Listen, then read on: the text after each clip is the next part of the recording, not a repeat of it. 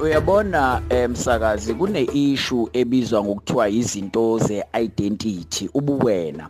Okubaleke kakhulu ukuthi ukwazi ukuze uzazi ukuthi ungubani. Leyo nto kuyamenza umuntu ukuthi umthole entuntantunta umthole ukuthi usexakekile. Kanti uxakwe nje into eyodwa i-identity le ekuthiwa ubuwena imvelaphi yakho. Ake ngithathele nje abantu bakwamdletshe.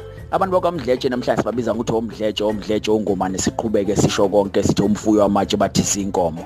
Kodwa laba bantu makukhulunywa kahle iqiniso bazi babe omdletshe nje babe yesinye isibongo beqhamuka komunye umnomzane kodwa kwase kwenzeka iphutha wathi lo owaqanjwa ngomdletshe kwathi udadewabo eguqile etsheni esebenza ukugaya ngoba phela kwakudliwa ukudla okugayiwe wathi sagaya umdletshe ke lo wabe esebona udadewabo embukela kabi wagcina ke esehlobonga enza into engafanele yenze ekhaya. Kwase kuthiwa hawu usumdleletsheni pho then kwaseqala kanjalo isibongo sakamdletshe. Esakasikhakhane ke sona siqale ngokuthi kade abantu bakhona beqhamuka bevunula ngendlela ehlukile idwaba emfishane mawuthi uyababuza bese kuthiwa hawu labantu abafake lezi daba ezincane oh lezi ikhakhana kwagcina sekuhosikhakhane ke omboma labo. Ngize kulabantu bakwashangasa abantu bakwashangasa baqhamuke bona ngokuthi uthe mayihamba umkheshane zulazula ehamba wathi mayibuye ekhaya kwathi ubuye kwathi bengishangazile kwaseqhamuka lapho uthi umkheshane agcine sebizwa ngoshangase kwaseqhamuka abantu bakwashangase.